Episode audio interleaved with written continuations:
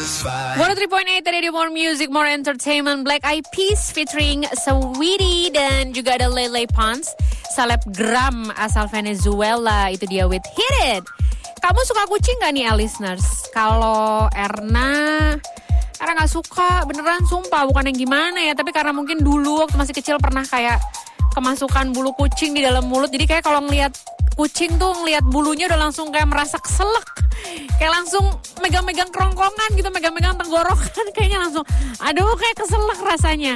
Oke tapi kalau misalnya kamu suka banget sama kucing dan penggila kucing berarti kamu sama nih sama beberapa selebriti dunia yang kayak mereka juga penggila kucing. Mungkin sama dengan kamu ya. Yang pertama adalah Taylor Swift.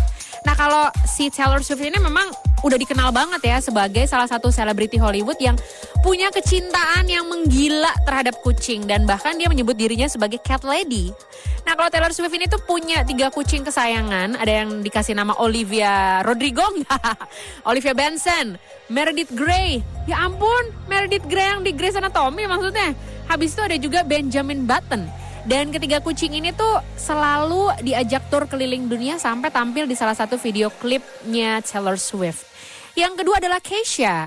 Nah di balik kayaknya tuh penampilannya garang-garang gimana gitu. Ternyata Keisha ini adalah salah satu pencinta kucing. Nah saking jatuh cintanya sama kucing, bahkan si Keisha ini menobatkan dirinya sebagai seorang penggila kucing. Dan gak jarang dia itu memposting kucing kesayangannya yang namanya Charlie ke akun media sosialnya. Dan dia bahkan bilang di sebuah wawancara kalau dia tuh nggak bisa membayangkan hidupnya kalau dikelilingin kalau tidak dikelilingin sama kucing-kucingnya. Oke, yang ketiga adalah James Franco.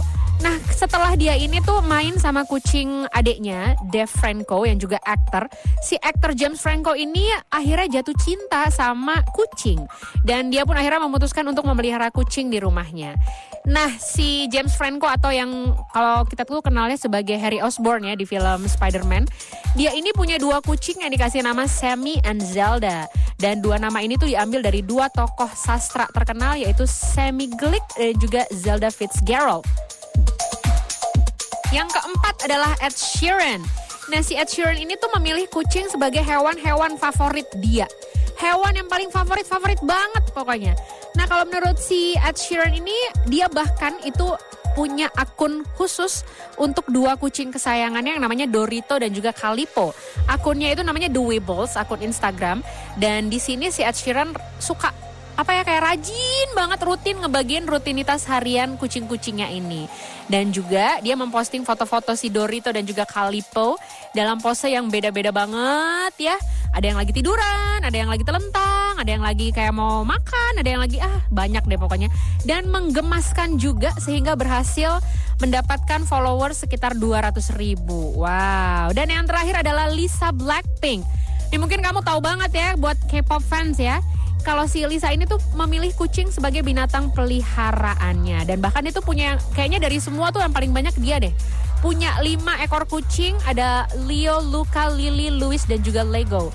Nah si Lisa ini yang pastinya selalu menampilkan kucing-kucingnya di akun YouTube channelnya dia yang namanya Lily Film Official dan juga di akun Instagram pribadinya. Dan bahkan kucing-kucingnya ini tuh masuk ke dalam video klip Blackpink featuring Selena Gomez yang ini yang judulnya ice cream.